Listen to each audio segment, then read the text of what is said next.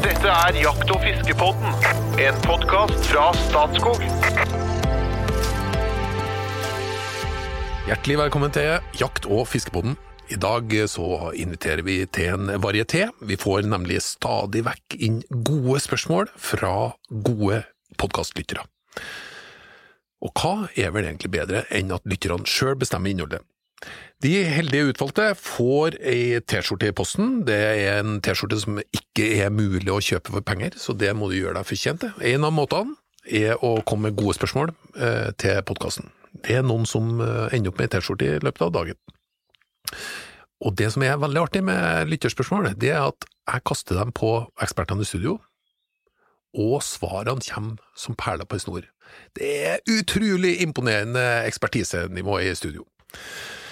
Akkurat nå så hører du stemmen til kommunikasjonssjefen i Statskog. Den hører du litt mindre til etter hvert nå, fordi at uh, nå skal jeg introdusere mine fantastiske makkere. Ikke minst så kommer du snart til å høre radiostemmen fra Asker, bluesgitaristen som uh, leker seg nedover livets landevei med sine utallige talenter, informasjonssjefen i Norges Jegerfisk og vår egen kunstnersjel. Hjertelig velkommen, Espen Farstad. Tusen takk. Hva liker du best? duebryst eller lytterspørsmålepisoder? Nå er det blitt så mye lytterspørsmål at jeg tror jeg må svare duebryst, men jeg er veldig glad i lytterspørsmål òg, da. Ja. Nei, vi glir over til det litt mer innadvendte jegerkongen fra Solør, mann med åtte frysere og en eh, jaktlyst av de sjeldne, men samtidig akk så belest. Vår egen eh, rypedoktor, hjertelig velkommen Jo Inge Breisjøberget. Tusen takk. Duebryst. Annet spørsmål, vet du. Det er, okay. det, det, det er så tilpassa alt som skjer her. Ja, det er det, vet du. Ja, Lytterspørsmålepisode, eller åtejakt på ræv. Åh, oh, ja Nei, det er som Espen sier, vi har jo hatt Jeg syns det er artig med lytterspørsmål, men åtejakt på ræv, det er jo høy tid, da. Nei, jeg må nesten ta åtejakt på ræv, så beklager. Ja. beklager. Så du lyttere der ute. Du, hva koster egentlig åtejakt på rev? Det er ganske billig, vil jeg si, da. I den grad du skal gjøre det hos Statskog, så er det et smårovviltkort, 100 kroner for et år, og så har du muligheten. Ja. Så det er jo en av de rimeligere former. De aller fleste steller vi vet, altså, du må ha grunneierstillatelse, men de aller fleste steller vi vet, så er det en slikk og ingenting, eller gratis. Mm. Vi skal nemlig bevege oss litt inn på Vi har fått et lytterspørsmål. Det er en som har veldig lyst til å jakte villrein. Mm. Eh, og vi skal gå rett på det, men så tenkte jeg at vi skulle utvide litt, for snakke litt om hva koster nå egentlig det i ja, kanskje et av verdens beste land når det gjelder jakt og fiske? Hva koster det egentlig å, å, å dra nytte av de herlighetene? Mm. Men vi skal gå litt spisst på, i tillegg til åtejakt på rev. Tommy Andersen han bor i Trondheim, og skulle gjerne ha felt villrein på Dovrefjell. Han er så spesifikk at han ønsker å felle en villreinbukk, jeg vet ikke om det er skillet på prisene nå. Han er det han kaller for utenbygds da, og skriver at prisene varierer fra 7000 til 25 000 for en villreinbukk. Hvor, ja, for å ta det, er det ordinært prisnivå? Opp 25 000 for for en uh, villreinjakt? Betaler du først når du feller bukken, eller betaler du for jaktmuligheten?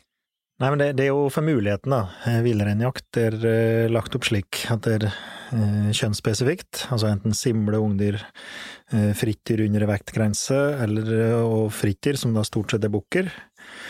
Så betaler du da på forhånd, ja. Betaler for retten til å jakte og felle det dyret. Det er litt annen enn en elgjakt, der vi deler risikoen, f.eks. Mm. Betaler en viss pris på forhånd, og hos oss da, i hvert fall, og så kilo når du er felt i det. ikke sant? Mens rådyrjakta er ikke uvanlig at du betaler på forhånd da, per, per dyr. Men villreinjakt, slik sett, så kan det jo være ganske kastbart, i hvert fall skulle skutt en bukk, da. Mm. Eh, vi har ikke så fæle priser, jeg tror vi er ved i det nederste sjiktet der, da. Så vidt jeg husker, så er det 6500 for en bukk på Dovre, på vår, vår grunn.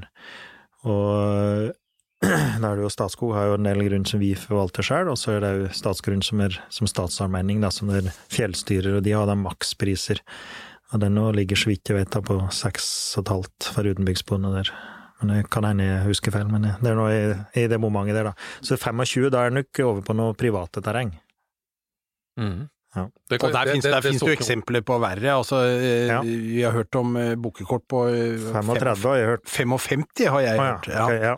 Jeg er Så, gammeldags, så ja, men da eh, er vi jo inne i, i liksom eh, Forlogna, da, som har denne Ja. her Forlogna-stammen med og, veldig og store, flotte store flotte bukker, og så for en, altså en tam stamme. Altså de er forholdsvis enklere å jakte på enn i Dovrefjell, da. Mhm. Eh, og så går nok smertegrensen noen sted der du kan reise på en organisert jakt på caribou. Den er eh, vår, vår rein, men eh, i, på andre sida av Atlanteren, da. Og da ligger prisen noen sted rundt der, da. Sånn 35 til 55, så får du en organisert tur, én til med guiding og et stort trofé, da. Mm. Og eh, da er alternativet enn å gjøre det her i Norge, da. Er, er det kjøres det auksjon Øh, nå, vi, nå, nå, nå tar vi kanskje utgangspunkt i Norges dyreste jakt, det vet ikke jeg. Eh, Ja, du Per, per enkeltdyr så er det jo kanskje det. Ja. Er, blir det, er, skjer det noen auksjoner på det, eller sånn høystbydende, eller er det faste priser? Nei, det tror jeg auksjoneres bort, for eksempel i Det deler, ja. Der tror jeg de har kjørt en sånn auksjonsmodell. De har i hvert fall gjort det på rypejakta der oppe nå, på rypefelt. da. Ja. Eh, Med også noen uhyrlige priser, bare for å nevne det, som i andre enden. Ja. Og så, så dette er jo det nærmeste vi kommer en troféjakt da, her, ikke sant? Det er jo, ja. De har et visst antall dyr med store trofeer du kan høste, og så er folk villige til å betale for det. Eh, Ja. Jeg spiser ikke så hønda likevel. det. Det er jo moro å ha til en stor, stor, stort gevir, selvfølgelig, men det er helt uaktuelt for meg å bruke så mye penger på bare få til hønda på veggen, liksom. Mm. Å komme inn i brunsten, så går det ikke an å ete den heller. Så det, jeg vil heller anbefalt å skutte en kalv, da, nok en gang. Ja, Mye enklere å bære ut òg. det er det. ja. Forferdelig mye enklere å bære ut, og kjempekjøtt. Så, så det er jo- det er jo like vanskelig slik sett å jakte på en, en villreinkalv som å skutte en bukk. Det behøver ikke være noe vanskelig å skutte en bukk i den forstand. Men eh, nå, nå har vi kanskje berørt ja, en av de billigste jakt- og fiskeformene. Vi skal litt inn på fiske òg. Den billigste fiskeformen er nok gratis, og en av de dyreste, dyreste jakt- og fiskeformene ja, på jaktformene vil jeg tro da er, er villreinjakt. Fiske er det kanskje hvis du Kjører med helikopter en eller annen plass inni et Nei, det er laks. Det er jo laks. Eller laks. Det er jo laks, altså. Ja, ja, altså Ja. Vi, vi må jo skille på liksom hvordan man legger igjen penger her, da. På en måte, altså Er det direkte for å kjøpe anledningen til å fiske, eller å jakte? Eller er det det du kjøper rundt? Ikke Ja. det, så det er også en sånn, litt sånn problematikk der. Tilleggstjenester. Kobla tilleggstjenester, ja. Ja. Ikke sant? Så kan det gjøre det veldig dyrt. Men for, det, for den reinen der, det tipper jeg at det er eh, færre leiva, da. Og så skal du, har du råd til å betale 55 000 for en bukse, har du nok råd for å få noen til å bære den ut for deg. Da er det ikke sikkert du bærer ut den sjøl heller, vil jeg tro. Nei, Ikke sant? Så da, da, baller, si. da baller det jo på seg. Og, Det er og jo du, en del av opplevelsen, da. ja, kjære vene. Skal jeg ha noen til å bære ut denne her? oh, men vi skal jo ikke stemple at de som betaler mye nødvendigvis ikke bærer ut heller, da. Det Nei, nei, men, men da er det ofte, da, kommer det med at du kan få tjenester, ikke sant? Som, som eksempel å kløve den ut eller bære den ut òg. Mm. men du nevnte jo rypejakta, da, da er det jo priser som er hinsides over det den der reinkasta, da. Ja, altså jeg, jeg mener og så, nå, altså de hadde jo nå lagt ut på anbud uh, i dette Vingelen-området. Det er jo det som kalles det gylne triangelet òg, da, i rypejaktverden. Altså det er veldig fine produksjonsområder for ryper. Dette vet jo du alt om, Jo Inge. Ja, det, Ja. Det, det er jo kanskje det likeste produksjonsområdet for ryper vi har, da. Ja. liryper som vi har. Og samtidig ikke altfor vanskelig terreng, og slik rimelig lettgåtte, fine, slake lier. Det, det, er, det er det, kanskje det beste vi har, da. Og her går altså rypeterrengene for mange hundre tusen kroner. I året. Oppimot en million, kanskje. Så det er jo her er noen har, det, er, det, er mye, det er mye penger i omløp i dette samfunnet. Velstanden har nådd oss, og det er noen som da velger å bruke det på dette. Og det, det er jo selvfølgelig okay, men kan jeg spørre, liksom, da, da kjøper du et terreng for et gitt område. Er det også en fellingsbegrensning? eh? Hvordan, hvordan fungerer det? Jeg kjenner ikke akkurat det eksempelet, men da har du terrenget for deg sjøl, tror jeg da. Ja, Ja. Ja, da er det eksklusivt. da. ja hvis du snakker om de prisene, Ja, antar jeg Det det. er nok det, ja. Og så vil jeg langt på vei anta at det er med overnatting og altså det er en eller annen pakkeløsning her, da. Ja. Det, det må man nesten anta. Men, eh, men jeg kjenner ikke til men jeg har hørt om det. Og det er både der og rundt disse det store hyttebyene som Gol, Geilo eh, Der er det noen voldsomme priser på rypejakt, vet jeg. Uten at nødvendigvis eh, terrenget er kjempebra.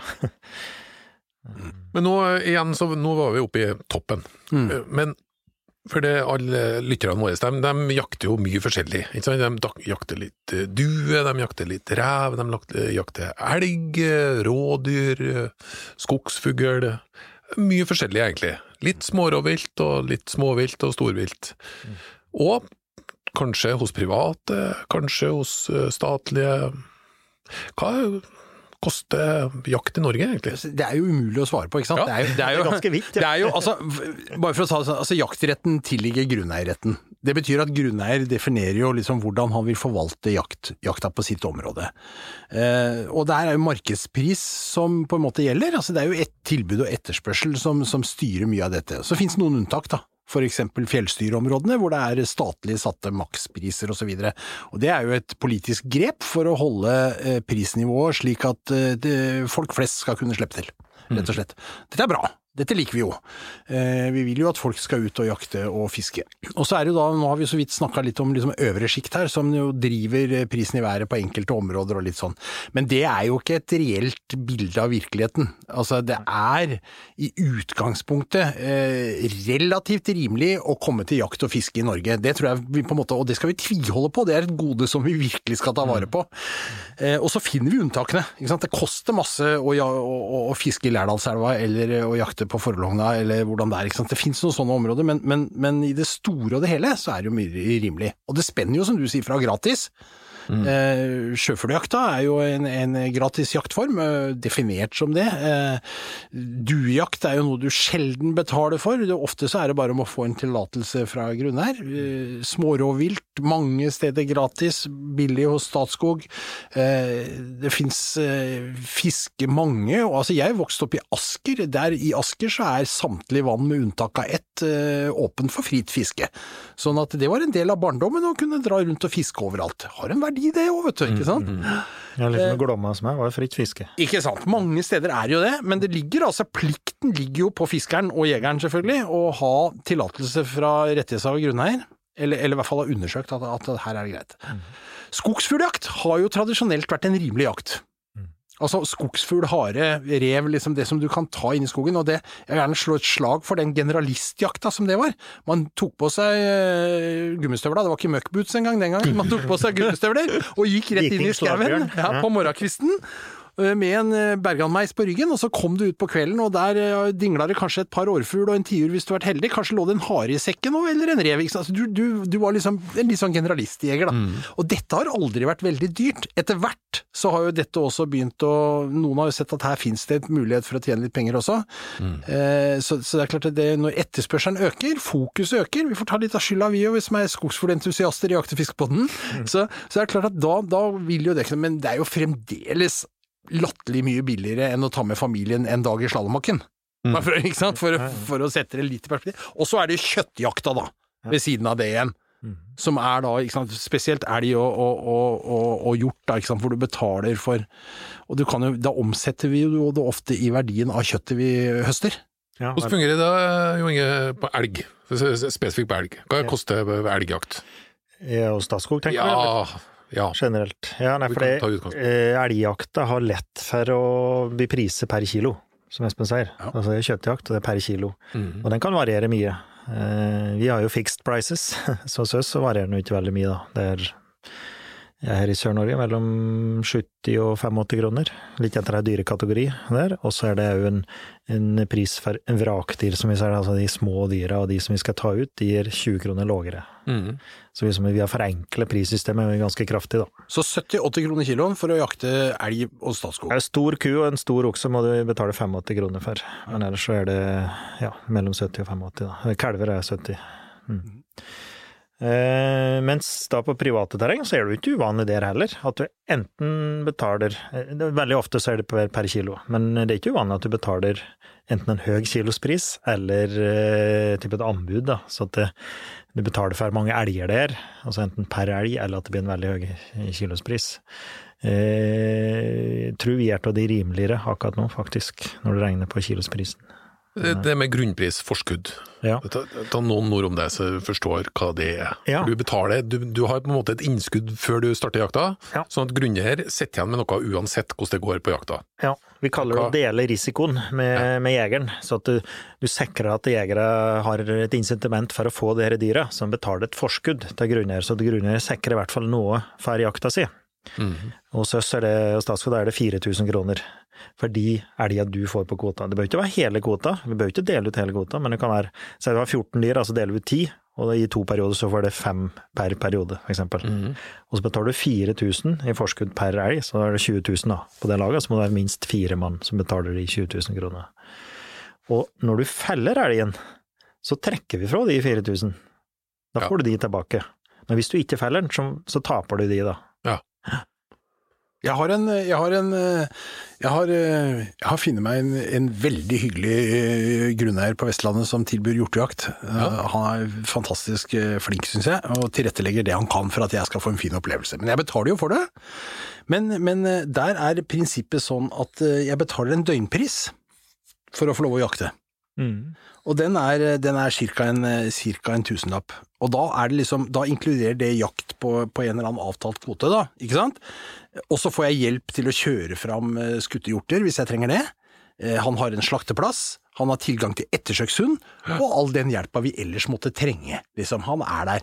Og hvis vi kjøper, skyter hjort, så betaler vi 75 kroner kiloen. Ja.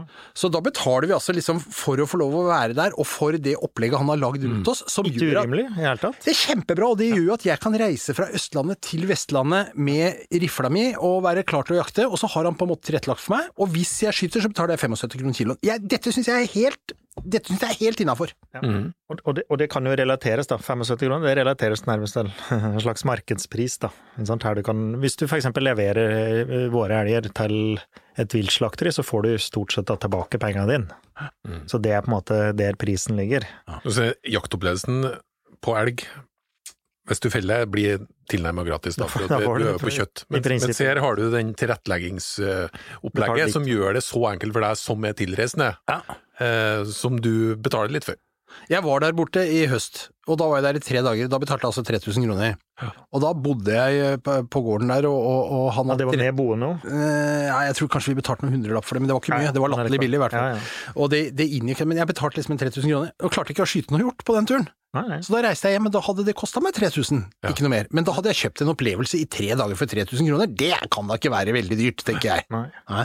Nei, og så er det slik dere For, for vi forespråker at det ikke skal bli for dyrt, for det her er jo folkejakt. Og det, det, vi har nevnt det kanskje tidligere, men eh, du har, ser endringer i Europa. Eh, blant annet i Tyskland, Frankrike, der her har vært folkejakt, til at de har endt opp med at det blir jakt for de som har mye penger, eller som har råd til det, da. Altså. Og da mister du denne aksepten ganske kjapt, for det, er en utøvende rase, ikke sant. Og, og det er jo det fine med jakta her, det er, det er noe som alle har råd til, og kan delta i alle samfunnslag. Og om det er kærer eller damer eller unge eller gamle, ikke sant. Det er et gode vi har i Skandinavia. Mm. Samtidig så skal jeg jo ha respekt for at grunneiere Det er en, det er en inntjening, da på, eh, for grunneiere på bygda, eller i, og at de da skal ha mulighet til å, å tjene penger på det her, da. Og det, det er liksom litt tvege sverd, ikke sant, at det, alt med måte. Og den, den beste, jeg skal si mest eksklusive jakt og fisket i Norge, den har nok vært leid ut og blitt omsatt i penger i lang tid. Når lakselåla kom, det var jo ikke på de dårlige valgene de var, liksom. Eller hjortejakta vår, eller beste elgjakta vår. Den er på en måte kjent og solgt for lenge siden, for slik, da. Jeg tenker at det, det er jo ofte det er, altså, det er jo en kombinasjon av ting. Eh, for hvis eh, Altså, vi, I Norge så har vi jo utrolig mye små grunneiere. Ja. Hvis det hadde vært, hvis det hadde vært null å hente i å tilrettelegge for jakt og fiske på eiendommene, så hadde, hadde mulighetene vært mye færre i Norge. Så jeg tenker at det, det, det, vel ikke om å gjøre at det skal være gratis heller. Nei, det er ikke Eh. det, og det går an å ha to tanker i huet Ja. samtidig. Altså, vi kan vi prøver å opprettholde, som, som jo Inge sier, den brede deltakelsen liksom, fra folk flest, samtidig som vi skal ha aksept for at noen eh, henter utbyttet sitt også fra dette, da. Jeg sier er også fra. ja, for det er bare ett eksempel av et slikt utmarkslag med så er det 100 eiere på 28 000 mål. Veldig små eiendommer. Og utbytte fra jakta, selv om prisen er for så grei, så utbytte fra jakta betyr ingenting for den enkelte Eh, lille grunneier, da. Ikke sant? Det er noen hundrelapper, der mange skjønner knapt hvor penger kommer fra. Og så er det noen da som har brøt det ut der, som, for at de skal tjene mer penger på jakta. Det er jo en del krefter som har liksom, tatt til orde for at eh, særlig grunneiere skal ta ut litt mer. Men, men eh, det ender fort ofte opp med at det er lokale som leier den jakta, så betaler de kanskje litt mer. Men det blir veldig mye vondt blod av det. Og lett forbi dårlig stemning i bygda, altså til å gjøre slike opplegg, da. Okay. Så skal liksom Det er en liten balansegang, det. Altså, jeg skjønner at grunneiere vil ha mer penger, men, men han skal vokte seg før han liksom kommer, og så skal du dra i vei en kjempestor opplegg og for at du skal tjene mye penger på det. Men det er litt ulik tradisjon på dette. her. Jeg vil dra det litt over på fiske, da. For Ja. På fiskesida så har vi jo hatt eh, Det er nok lakselordene sin skyld. De- De kom og betalte sikkert litt da for å være der de var. På de elv kom de spesielt til? Hva? Hvordan elv kom de spesielt til, Espen? Nei, det var jo det var mange elver som, som lakselordene kom til. Ja, tror du at det er Namsen, liksom? Fordi det kommer det spesielt. Elvenes dronning, vet du. Oi, oi, oi. Ja, det, det der, Nei, men altså, fortsett der du slapp. Dette er jo en mann som ikke trenger kikkert, for han er jo så gjenspor at det er jo bare tynn stripe ute i verden. Ja. Nei, altså det, er, det var mange elver, det skjønner du, Trond Gunnar. Du har mye å lære, du. Ja, ja. Nei, altså poenget mitt var bare at her er det jo etablert en kultur for å betale eh, for et veldig attraktivt fiske i mange elver. Altså Lærdal, Alta, det, det, sånn var det i, i Driva, sånn var det i Rauma. Det var mange elver som var sånn. Og det sitter jo litt igjen enda. Ja. Så her er jo prisnivået ganske, kan være ganske høyt. Og atskillig høyere enn et dagskort på, på jakt. Ja da, det kan, være, det kan være ganske dyrt, men det finnes jo, som jeg understreker, fremdeles mange steder å fiske hvor det ikke er så dyrt, da, så det, det er jo bra. Men så ser vi etter hvert at det utvikler seg noen litt sånne spesialmiljøer. For eksempel er jo det som jeg representerer, disse her fluefiske-imitasjonsgærningene. Liksom, vi holder jo på med dette her, og da er det enkelte elvestrekninger også i innlandet som begynner å bli særlig ettertrakta for fluefiske på laminære, fine strømmer. Mm. Og her det? Laminære? Hva, Ja. hva er det for noe? det er altså helt jevntflytende, eller stilleflytende laminær strøm. Altså ikke en som virvler rundt, men en som flyter, hvor døgnfluene kan sitte i fred og bli plukka av svære ørner. Ja, ja, det, det er jo drømmen vår. Men de, de elvestrekningene er jo i ferd med å også få en markedsverdi. Ja. Eh, og dette er jo også et sånt spesialisering. ja, det, det er det en del av spesialiseringa, ikke sant. Det er ikke noen generalister, eh, de som er og fisker her. Dette er, vi skal fiske med flue, og vi skal fiske tørt, og helst oppstrøms, liksom. Det er, det er veldig, veldig spesifikke Og det er mange elver som har blitt, eh, blitt eh, kommersialisert med dette utgangspunktet nå. Det begynte kanskje Hemsila.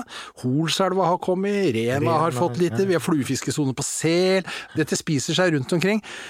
Og det er kanskje greit det også, så lenge det ikke på en måte fortrenger andre og liksom lager, lager noe sånn eh, eksklusivt. Jeg, jeg, har litt sånn dobbelthet på dette, da. Ja. Eh, Prisnivået er ikke nødvendigvis det verste. Jeg husker eh, Vidar Holte, som jobber mye med der i Skogeierforbundet. Han er pensjonert nå, da. Han er en av de flinkeste på alt der med viltforvaltning her i Norge. Kanskje den flinkeste. Han har sa det blir litt som å ha et fly. Det er noen som kjører første klasse, men de aller fleste kjører økonomi. Litt slik er det. Altså, du har noen soner for fluefiske, men, men det skal fortsatt være mange, mange Ja. tilbud til de som ikke kjører på første, da. Men I tillegg så er det jo sånn at eh, For jeg tenkte jo vi skal høre vi, Statskog har jo et norgeskort som koster nesten ingenting, og du kan eh, fiske overalt. Og det du har nevnt av og til, Espen, det er jo at vi har jo selvfølgelig Vi kjører et bulksalg, men vi har jo også helt fantastiske perler gjemt inni statsgrunn i Norge. Så, så, så lenge du har det på sida, så er det kanskje ikke noe krise om du får sånn spesialiserte private tilbud. nei jeg, jeg, jeg tror ikke det, for jeg tror vi fremdeles har, har mye å ta av, da. Men, men eh, ja. Og, Og det det er der. som sagt en liten balansegang. for eh, Jeg husker vi diskuterte, Jespen, Espen, vi er jo litt over snittet interessert i skogsfugljakt. Og vi liker å gå i litt, gammel, litt fin skog. Og det er klart, hvis, hvis jakta, den skogsfugljakta, hvis vi har veldig billig jakt, og så står det mellom å på en måte avvente høgde, for eksempel, eller ikke høgde i det hele tatt, for at det er fin skogsfuglbiotop, kontra temmerverdien der. Da klarer ikke, den jaktverdien klarer ikke å hamle opp med temmerverdien. Så blir den veldig fort høgd. Mm. Og klart, hvis du setter på spissen at eh, tiurjakta hadde vært kjempedyr, da, så hadde virkelig hadde monnet ting for skogeieren, så kanskje han hadde, hadde vurdert det, da. Ikke sant? ja. Det skjønner jeg mener? Ja, det har jeg Men, men, men, men vi er jo ikke der. Det, Nei, det nei, og jeg, jeg har ikke så, så, så, Her kommer gammelradisen inn. Så stor tillit til markedskreftene at vi skal klare på en måte å prise tiurjakta opp så det ikke hogges uh, flatehogst i Statskog lenger. Det skulle jeg like å se. Men du, eh, du, Norgeskortet til Statskog, jeg må kjøre litt reklame her nå. Men, eh, Hvor mye koster det? Per dag 65 kroner, 65 kroner. og per person er det 800 Da må du jo fortelle hva norgeskortet er, da. Ja, hva er Norgeskortet? Ja, det er et kort som gjelder på all eh, statsgrunn utenom statsallmenning i Norge. Til Unntatt noe elve. Ja, dere, dere, har, dere har ikke sagt at det er fiskekort engang. Jeg må bare nevne det. Oh, ja, beklager da, Espen. Jo, men dere er, dette, er, er dette er stammespråk, ikke sant? Dere prater om noe dere har nå. Statskogs norgeskort for fiske, Ja. ta den? Ja, som La oss ta gjelder det. på all statsgrunn utenom statsallmenning. I hele nå, Norge. nå kommer en limerick på dette her. Sånn. Fordi at, Og det koster 65 kroner dagen, og 725 for Ja. person. Og Per. det, men det koster jo en slikk og ingenting. Ja, Det det, er ikke, jo er det som er poenget mitt. det er ingen- Og, det er ikke så mange som klager på prisen og det fins omtrent tilsvarende ellers. Så eh, fiske, veldig brillende. Men nå, vet du hva jeg savner nå? Nå savner jeg en eventyrlig god limerick. Ja, den. Skal vi gjøre en limerick, kanskje? Ja, ja det er. Espen, har du en? ja, ja, Nå prater han seg sjæl ned, nå. ja, nei, altså, ja, nå blei jeg, jeg blei litt eh, Jeg ble litt uh... Du hadde en overgang som vi ødela, du nå. Ja, Oh, ja. og da kan det være det samme.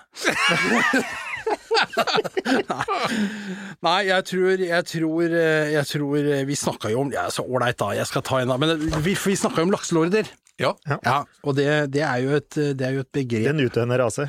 Ja, det, ja, kanskje, men det er noe Ja, ålreit, jeg tror det, det er en som holder det ved like her, da. Det er, en, det er å gå på jakt, da, ikke på fiske. Trofeer med høye mål, heter denne limericken. Trofeer med høye mål. Ok. Ja. Jeg må prøve å få dette til å gå opp sånn, sånn i, i rimmessig. Vi snakker om nødrim noen ganger. Okay, okay, ja, jeg, har noen her. Er. Jeg har et skikkelig dårlig nødrim som jeg skal ta seinere også. Ålreit. En engelsktalende troféjeger på Stord hadde lyst på en elgokse norgesrekord. Så uten å jukse vil den skyte tidenes okse som kunne kalle seg elgoksekongenes lord. Oi, oi, oi. Den var ikke Nei, Det gikk bra? ja, det, gikk ja, ja, ja. det var veldig bra. Veldig bra. Fint. Ja, det er bra. Tommy Andersen i Trondheim, vi berørte jo litt eh, både fiskepriser og jaktpriser. Det ble et veldig, veldig langt svar på uh, villreinbukkspørsmålet, men uh, dette syns jeg dette er interessant. Og det er Vi kunne prate opptil flere minutter om det temaet. opptil flere minutter, og vi kan bruke flere hundre kroner på jakt og fiske, men faktisk så er det er det sånn at du ikke nødvendigvis må bruke mer enn flere hundre kroner der? Hvis det er det du har å rutte med, så har du gode tilbud. Kan jeg få en avsluttende kommentar til det? Ja. For, det- for det, det syns jeg er på sin plass her nå. For at vi er veldig opptatt av pris. Ja. Og det er riktig, fordi vi ser noen grelle eksempler som gjør at vi er litt engstelige for at det skal bli for dyrt. Men egentlig så er jo bildet at det, at det er jo ikke uoverkommelig dyrt å drive med jaktfiske i Norge. Det som vi kanskje burde vært mer opptatt av, det er at vi sikrer oss tilgjengelighet. At ikke vi eksklus... Hva heter det? Eksklu... Eksklu, ja, eksklusiviserer, skulle jeg si, men det det ble et vanskelig ord. Altså, poenget mitt er at vi må ikke lage jakt og fiske i områder slik at det bare øh, fyller opp behovet til noen få. Vi er opptatt av at mange skal få slippe til litt, heller at noen få skal få slippe til mye. Så tilgang til er minst like viktig som prisnivå. Mm. Og så henger de to litt sammen, da. Og hvordan sikrer du det, da? Nei, da sikrer vi at vi har uh, mye statsgrunn, da! ja, var det det du Var derfor fiskekroken hang? I tilfelle. Lurer på om ikke det var det, gitt. Og dette er den landsdekkende organisasjonen som jobber det, der. nei, det handler jo om at vi har fokus på de positive sidene ved jakt og fiske. At dette er noe som eh, vi har som et folkeeie, og som vi skal ta godt vare på. Og det tror jeg altså, For å si det rett ut, jeg, norske grunneiere har grunnleggende sett stor forståelse for dette, og bidrar til at vi er en eh, jakt- og fiskenasjon. Og det, det skal vi holde på, og det er eh, jakt og fiske generelt eh, billig eller for, folk flest i Norge, det må vi si, og vi har enorme muligheter. Spørsmål fra Sebastian Jansvik. Hei, digger podkasten deres. Spørsmål til rypeprofessoren. Hvor gammel blir rype og skogsfugl? Kan bortfall av gammel fugl være årsaken til svingninger i bestand? Kunne man sett en mer stabil bestand om man tok ut mer voksen fugl, som allikevel skulle dø, og lot ungfugl stå for reproduksjon i stedet? Eh, Jeg har en sterk, en sterk mistanke om hva svaret vil være her, men uansett synes jeg spørsmålet om alder er veldig interessant. Disse fuglene står jo i konstant frykt for å bli spist, skutt, sulte i hjel eller fryse i hjel. Hvor gamle blir de? Ja. Jeg må legge til at jeg slett ikke er rypeprofessor. Det, det skal jeg ikke på meg. Nært, da. Enda. Enda. Nei, det er nok Nei, ja, her gamle blir de? Eh, Dette er jo arter som eh, lever eh, forholdsvis korte liv, og hektiske og strabasiøse liv, det må vi si. Mange farer, som man sier. Det er nok ikke så mange som sulter i hjel, nei, som fryser i hjel, men at de sulter i hjel, det kan kanskje skje, men i all hovedsak så er det predasjon. da. De dør for at de blir, eh, enten av vi som mennesker predaterer dem, eller eh, blir tatt av en annen predator, annen predator. Eh, Hauk, eh, mår, rev, her det måtte være. Eh, og lever i konstant fare. Mm. Det er et fryktregime hele tida. Kortlivede arter. Ryper lever kortere enn eh, storfugl, eksempel. Altså, jeg går på størrelsen og hvor lenge de lever, da. Og ryper har en veldig høy, vi kaller det en omsetning, en rypebestand. Eh, Den er i snitt på litt over 50% så det vil si at halvparten omtrent dør hvert år, naturlig. Ja. Og hvis du da tar Inkluderer du å bli skutt som naturlig her nå? Eh, ja, altså i dødeligheten, ja. Ja. Så, Mm. så er jakt en av dødelighetsfaktorer her, da. Ja. Eh, og det er klart, da så har jeg en million rypepar, så er det ganske mange, og de legger ti egg, så er det ganske mange egg, kyllinger, voksne og ungfugler som blir borte i løpet av et år. Det er enorme mengder som omsettes her, da.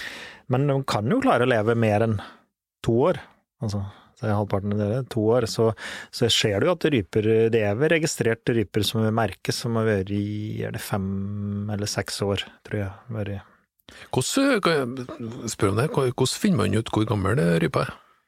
Eh, For jeg vet det, det finnes jo noen triks på, på tiuren, men eh, Ja, men de har eh, Det er litt usikker på. Om de liksom eh, tiåra så vokser nebbet, eksempel, så vi kan måle nebbhøyder og vekt, en liten indikator. Så det er nok muligheter å måle alder nøyaktig. Men eh, når vi har fanget dem levende, uten å liksom ha skjelett eller noe, så er det måle nebb og, og halelengde, eksempel, og vekt som, som teller. Da. Ja. Eh, Så hvis en sier at to-tre år er stort sett eh, levetida for ei rype, da, så vil årfugl være omtrent det samme, og så kan eh, tiur og rei bli noe eldre. De har litt, litt lengre generasjonstid, da. Så at en gammel tiur kan kanskje være både fem og seks, tiur, seks år. ja. Kan så podkastens T-skjorte som han Sebastian nå får, det, det, han kan forvente at den er kanskje en fire-fem-seks år. Ja, altså de er gamle, da. Men Ikke T-skjorta, men tiuren som er på ja, T-skjorta. men han spør hvor lenge han kan leve, og det kan de jo klare å få til. Ja. Altså rypen lever ca. to, kanskje maks tre år. Også en storfugl da kanskje opp i fem-seks. Det er jo ikke rart, tenker jeg, at det blir bra svingninger i bestand når, når det er så stor utskifting. Altså. Nei, og det, det er jo litt uh, her som de er selektert, da. Og disse her satser da på å gå all in, ikke sant. Ja. Du har Si at du kan yngle én eller to ganger, og da er det slik det å få mest mulig unger, Mm. og få dem flyvedyktige, da. Og da, så de får jo store køll, så kan jo svinge enormt. Og det svinger da med predasjon. Men han hadde jo et spørsmål på det. Altså, hvem er mest verdifull? Uh, den fuglen som er gammel, eller den unge? Ja, eh, vanskelig å si. Den, den mest verdifulle er den som er i live til våren, som kan få, få sette egg og kyllinger til verden, da. Ja, men det, det kan jo for så vidt være begge to når du er ute Ja. 10. september, ikke sant? Ja.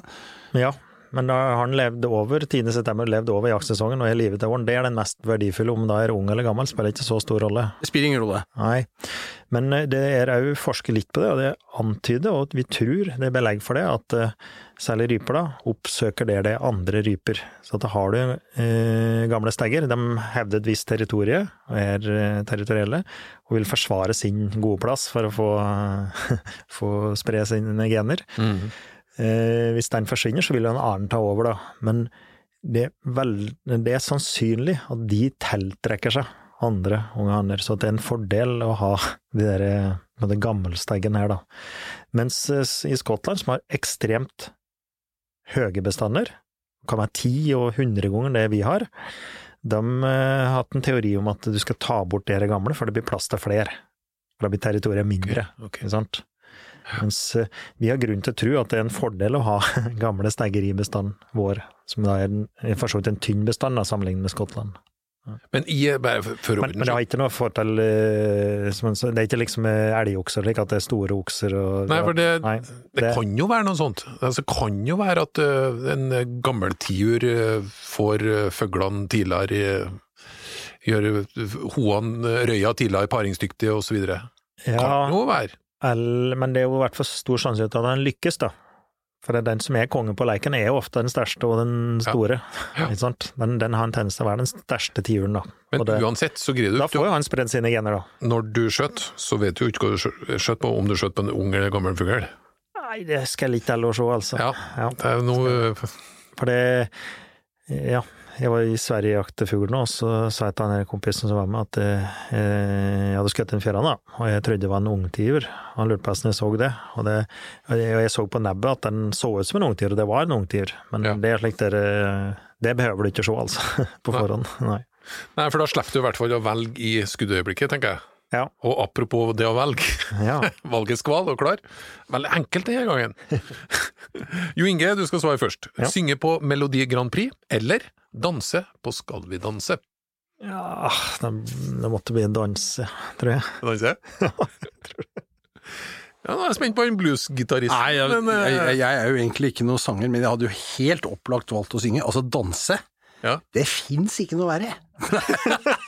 Nei, det er, det er virkelig ikke, altså. Jeg skulle ikke skryte meg at jeg er god til å danse men jeg tror, jeg, tror jeg det hadde jeg foretrekket enn å synge, altså. Ja. Nei, men veldig bra.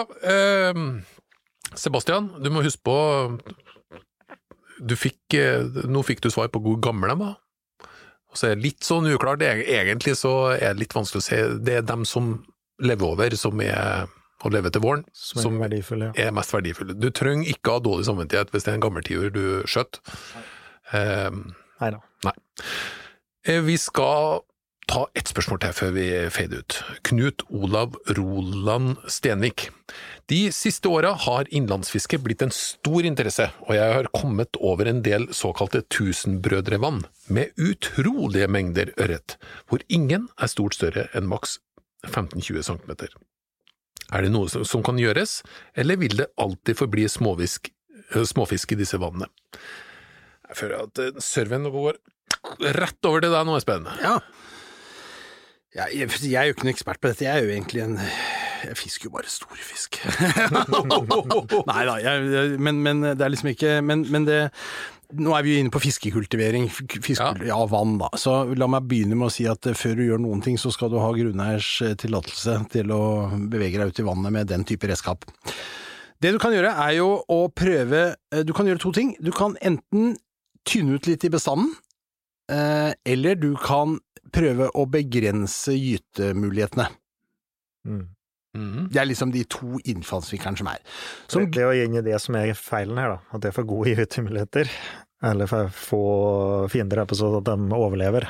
eller en slags økologisk ubalanse i vannet også, for det å ha noen store individer i vannet eh, kan være veldig bra regulering av at det er mange små, fordi de vil beite på de små fiskene, ikke sant. Så de, hvis, du, hvis du er i et vann med tusenbrødre, og så får du en svær ørret, så er det kanskje en dårlig idé å slå i hjel den, altså. Det burde egentlig veldig verdifull Ja, det var satt tilbake ikke sant? Ja, det var litt sånn. Men altså, det som er vanlig da, det er jo at man Hvis dette er et lite tjern med masse fisk, så vil jeg si at da går det an å prøve seg litt med litt utfisking eh, med et finmaska garn. Eh, gjerne da sånn typ, typisk litt sånn eh, tidlig august når den begynner å røre litt på seg i forhold til gyting, og det begynner å bli litt mørkere eh, netter og sånn, da, da får du den i garnet på den tida der. Og så kan du prøve å fiske ut litt sånn. Men det krever jo en oppfølging, det kan være ganske intensivt, og det krever, krever ganske mye.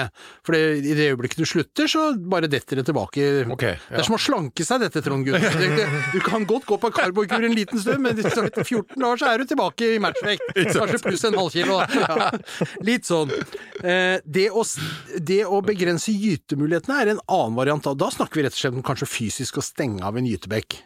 Det er jo, men det vil jo på en måte vannets beskaffenhet og geografi bestemme om det er mulig eller ikke, da. Men da rett og slett Stenge av en, så ja, stenge av en med netting, for eksempel, som Ja. gjør at vannet Ja, renner gjennom, det fisken ikke kommer opp og får gyte, da. Ja, Mm. for eksempel. Eh, De litt mer eh, profesjonelle tilnærmingene er jo selvfølgelig å gjøre en, en prøvegardsundersøkelse av vannet. Altså rett og slett kartlegge hvordan prøvefisket ja, i vannet, for å se hvordan, eh, hvordan er egentlig tilstanden her. Det krever jo litt kompetanse. Og Mm. da finnes det en landsdekkende organisasjon som har mye av den kompetansen i lokalforeninger rundt omkring. Hva heter den? Den heter Jeger og Beger. ja da, Det er jo Jeger- og Fiskerforbundet selvfølgelig, som, som har jo drevet med dette i mange år. Det er varierende. Jeg kan ikke garantere at det finnes i alle foreninger, men mange steder finnes det, og vi har, har noe kompetanse på det. Så, så hvis man skal liksom inn og gjøre noe sånn mer, med litt skikkelig faglig bakgrunn, så kan det nok være lurt å gjøre det, øh, og bruke litt øh, fagkunnskap i bånn, så jeg er sikker på at du, gjør øh, de riktige tingene. Men eh, enkel utfisking med garn, eventuelt se på gytebekken og prøve å begrense litt, lage ei sperre på en eller annen måte. Du kan lage et vandringshinder òg, ikke sant. Du kan jo sette opp en slags trekonstruksjon nederst i bekken hvor vannet renner over, men fisken ikke kommer opp, da. Det er ikke så mye som skal til. Så tror jeg man fort kan se resultatet av det.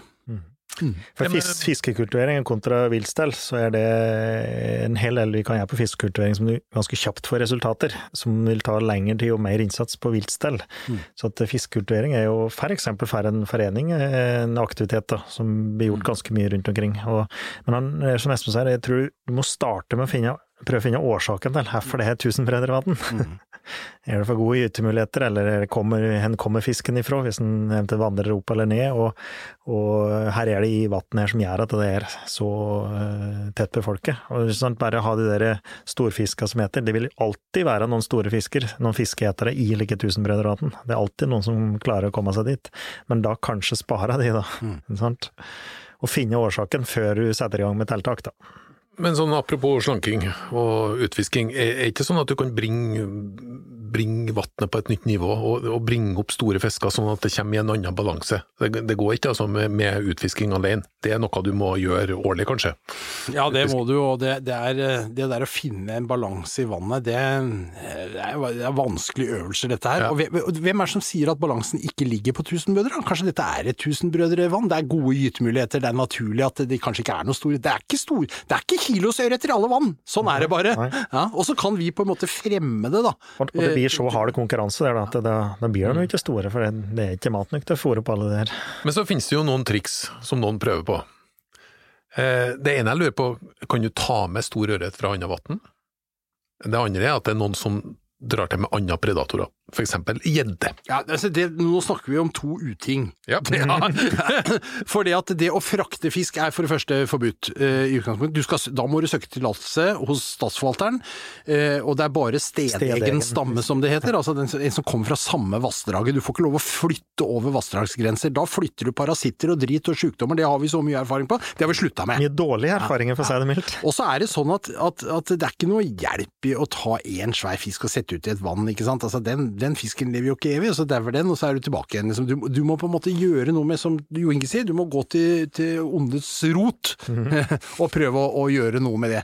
Det å flytte predatorfisker inn i et system hvor de ikke hører hjemme, altså sette gjedde ut i et ørretvann, liksom. Ja, og det, Det det vis, meg, vis meg ett vann hvor det har vært vellykka. Fortell meg om ett vann hvor dette har vært vellykka. Det fins jo vann i eksempel i Finnmark, ikke sant, som er gode ørretvann med gjeddebestander, men det er jo en naturlig utvikling og evolusjon over tid, ikke sant, for det er en naturlig innvandring Og fra lang øst. tid. Ja, det- huske på at dette har gått lang tid. Ja, det er 10 000 år, det. Ikke sant? Sånn at dette Så ikke, ikke begynn med å legge ikke noe prosjekter. Nei, det, og det er strengt forbudt. Og, og, og vi, får vi høre om det, så kommer vi hjem med to tom fire og grisebanker her, for dette har du ikke lov til, rett og slett. Nei, Ferdig snakka. dette skal vi ikke ha noe av. Ferdig. Ja, det er bra, da fikk vi løfta det. Ja. Det var en tordentale fra Farstad nå, det det- er veldig bra. Jo, men det er så mye som blir ødelagt av det, Ja. ikke sant? Ja. Jo, men jeg, jeg skjønner jo at tanken kan komme der, så det er jo viktig å Og, det, og, og, Og det er mange som har gjort det. Og Og det er mye grelle eksempler på Ja, det. og, Altså. det, og vi skal jo også si at altså, spredningen av ørret i fjellet i Norge har jo også skjedd ved hjelp av menneskehender, sånn at det, det er jo jeg, jeg kan jo skjønne at man har disse tankene, men, men nå, nå har vi en annen kunnskap om dette enn det vi hadde tidligere. Nå, nå gjør vi ikke slikt. Hæ? Nei, men med disse bevingede ord så skal podkasten gå ned før landing. Jeg har jo alltid en liten sånn plan om eh, at det skal vare en halvtimes tid. Nå eh, Hvordan går det, syns du? 50% overskudd i dagens episode. Ok. Så jeg, Litt men, eh, unnskyldt. jeg syns jo det er veldig hyggelig å sitte og dra kunnskap ut av dere. Det er som vanlig imponerende. Eh, kjære lytter, har du spørsmål eller innspill, så er vi kontaktbar i alle medier. Både analoge og digitale. Vi er på Facebook og Instagram, og vi kan kontaktes på e-post, jaktofiskebåten etter statskog.no. Og kom gjerne med innspill til oss. Før vi feider helt ut, skal vi ha en liten hot or not. Og Espen, du skal få lov til å starte i dag. Å bo i bygård, hot or not? Not. Not. Å bo i leilighet, hot or not? Not. Not. Feriehus i Spania, hot or not? Not. Not. Abborfiske i regnvær, hot or not? Ja, det, er hot. Abborfiske er alltid hot. Ja, det er alltid hot. Her lærte lært at den ikke tar det, men ok. Eh, korps, hot or not? Not. Not. Fra DDE-albumet Jippi, låta 2000 grunner, hot or not? Det blir verre og verre. Rungende hopp fra begge to. Takk for følget, og velkommen tilbake neste uke.